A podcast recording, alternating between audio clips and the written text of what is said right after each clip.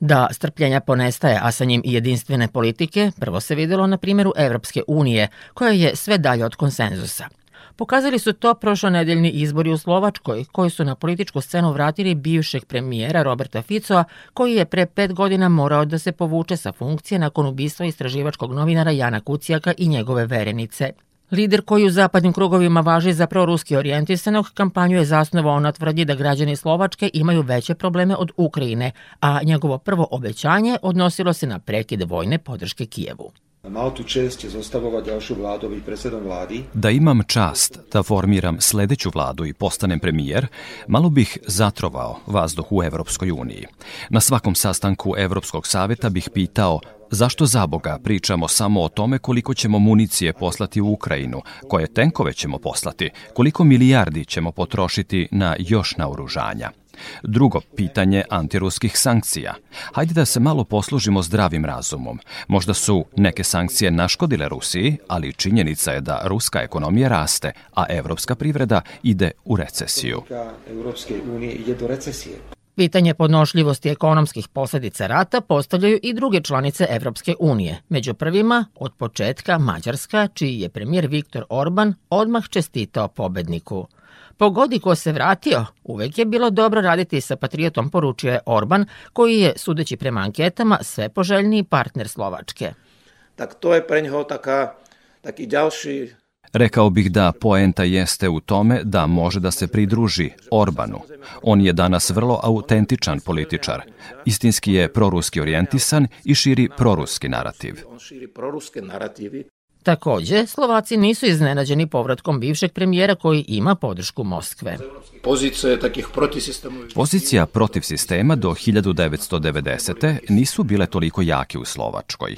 Ovo je sada konsolidovana podrška, a tu je i Rusija koja im pomaže. Takođe, i narod je razočaran poslednjom vladom, tako da sve je problematično. Všetko je problematické. Pred Robertom Ficom je sada zadatak da pronađe koalicione partnere i ako u tome bude uspešan, Slovačka bi mogla ozbiljno da uzdrma već načet proukrajinski savez. U analizama inostranih medija preovlađuje stav da bi država koja je važila za jednu od najstabilnijih saveznica Ukrajine mogla da postane još jedan partner Rusije, a time i tačka razdora unutar Zapadnog saveza. Politički analitičar Dragomir Anđelković tvrdi međutim da su takve prognoze neutemeljene, kao i optužbe na račun proruske orijentacije nominacije pobednika slovačkih izbora. Robert Fico nije nikakav e, proruski kandidat. On ne stavlja na prvo mesto uh, sukob Ukrajini jer to doživljava kao američko-rusku pa i šire američko-kinesku borbu za globalni uticaj. Fico priča pre svega o interesima same Slovačke. Šta je interes njene privrede? Slovačka je očuvala industriju za razliku od većine istočnoevropskih zemalja i njoj je važno da ima podnošljivu cenu energenata. Tako da Fico prebacuje težište na interese Slovačke umesto da oni budu e, na onome što su interesi Amerike, a to je stavljanje Evropske unije i evropskih država u funkciju sobstvene geopolitike. On sigurno neće ući u zonu konfrontacije sa zvaničnim Briselom ili Amerikom, ali će sve ono što je u domenu Slovačke autonomne odluke preusmeriti ka jačanju privrede i neće prevelike resurse davati za Ukrajinu. Naravno, ako formira vladu. Ipak, Pugotina u Prvokrinskom savezništvu postoje. Videlo se to već u prvim mesecima rata koje su obeležile nesuglasice oko sankcija Rusiji, potom oko kvota za uvoz ukrajinskog žita, a sada i u pogledu vojne pomoći Kijevu.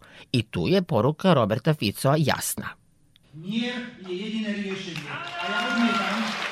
Mir je jedino rešenje.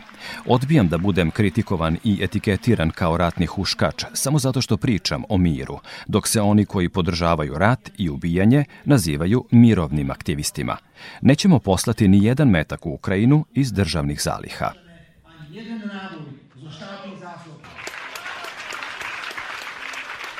Vojnoj pomoći Ukrajini protivi se i Poljska, i ne samo vojnoj. Iako daleko od bilo kakvog savezništva sa Rusijom, Poljska je još jedna članica Evropske unije koja je sve veća pretnja jedinstvenoj proukrajinskoj politici. Uoči parlamentarnih izbora u toj centralnoj evropskoj državi, među dominantnim temama je pitanje podrške Ukrajini, koju predsednik Andrzej Duda opisuje kao davljenika koji ugrožava svoje spasioce. Mamy trochę do tak z tonącym. Svako ko je iskusio spasavanje davljenika zna koliko je to opasno, jer vas on povlači u dubinu. U strahu on dobija nezamislivu snagu i povlači sa sobom spasioca. Kažu da se davljenik hvata za slamku i to je situacija sa Ukrajinom. Moramo da delujemo na način koji će nas zaštititi. Dakle, moramo da gledamo naš interes.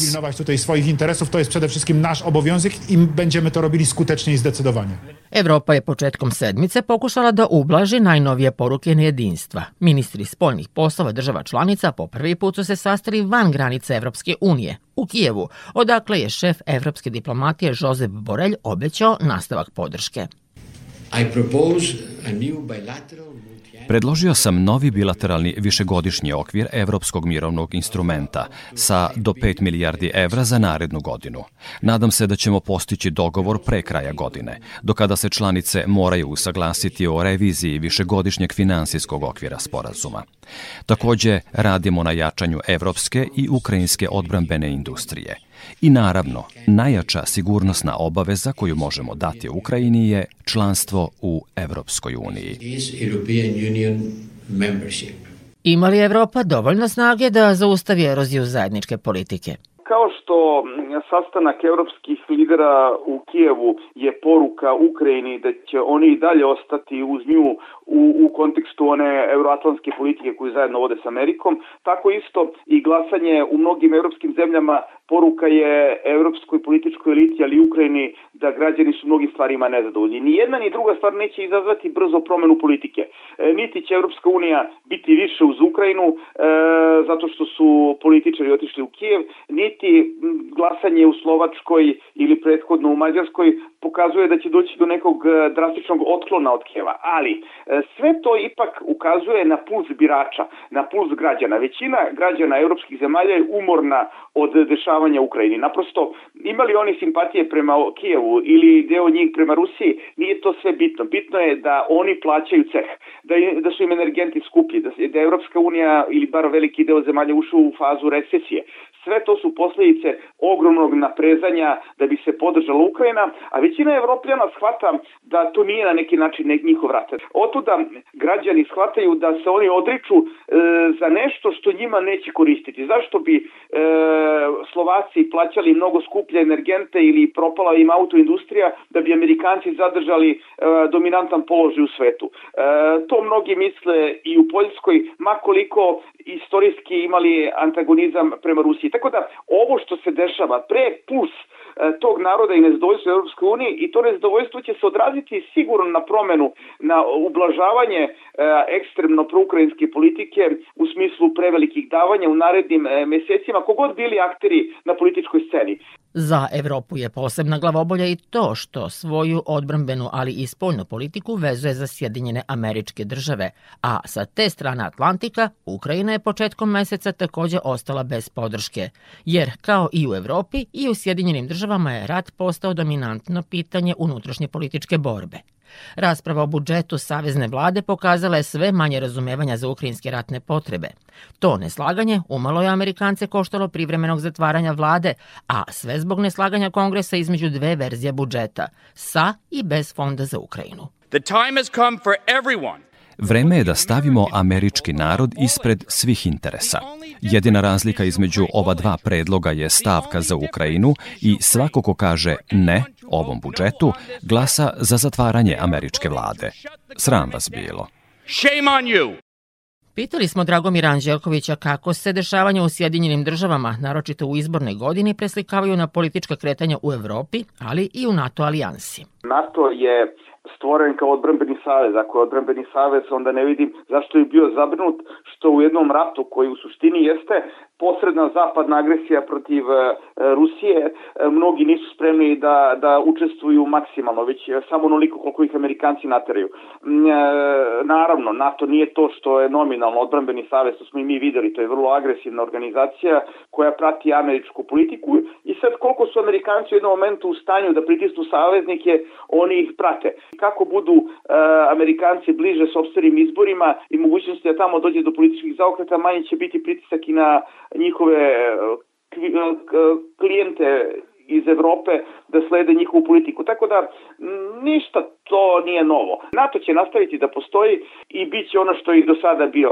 Zapravo klub koji podržava Ameriku. Amerika je tu ključna, svi drugi su sekundarni. Sve to ide na ruku Moskvi koja, kako veruju strane diplomate, upravo računa na slabljanje antiruske koalicije i njene podrške Ukrajini, koja će na kraju naterati Kijev da sedne za pregovarački sto. Tome u prilog govori i zapažanje inostranih izveštača sa nedavnog zasedanja Generalne skupštine Ujedinjenih nacija, na kojem Ukrajina više nije bila na vrhu dnevnog reda. Iako je Rusija u poslednjim obraćanjima evropskih i američkih političkih lidera upozorena da ne računa na zamor zapadnih saveznika, on je ipak stigao. Sektor Plus. Svet sa naslovnice.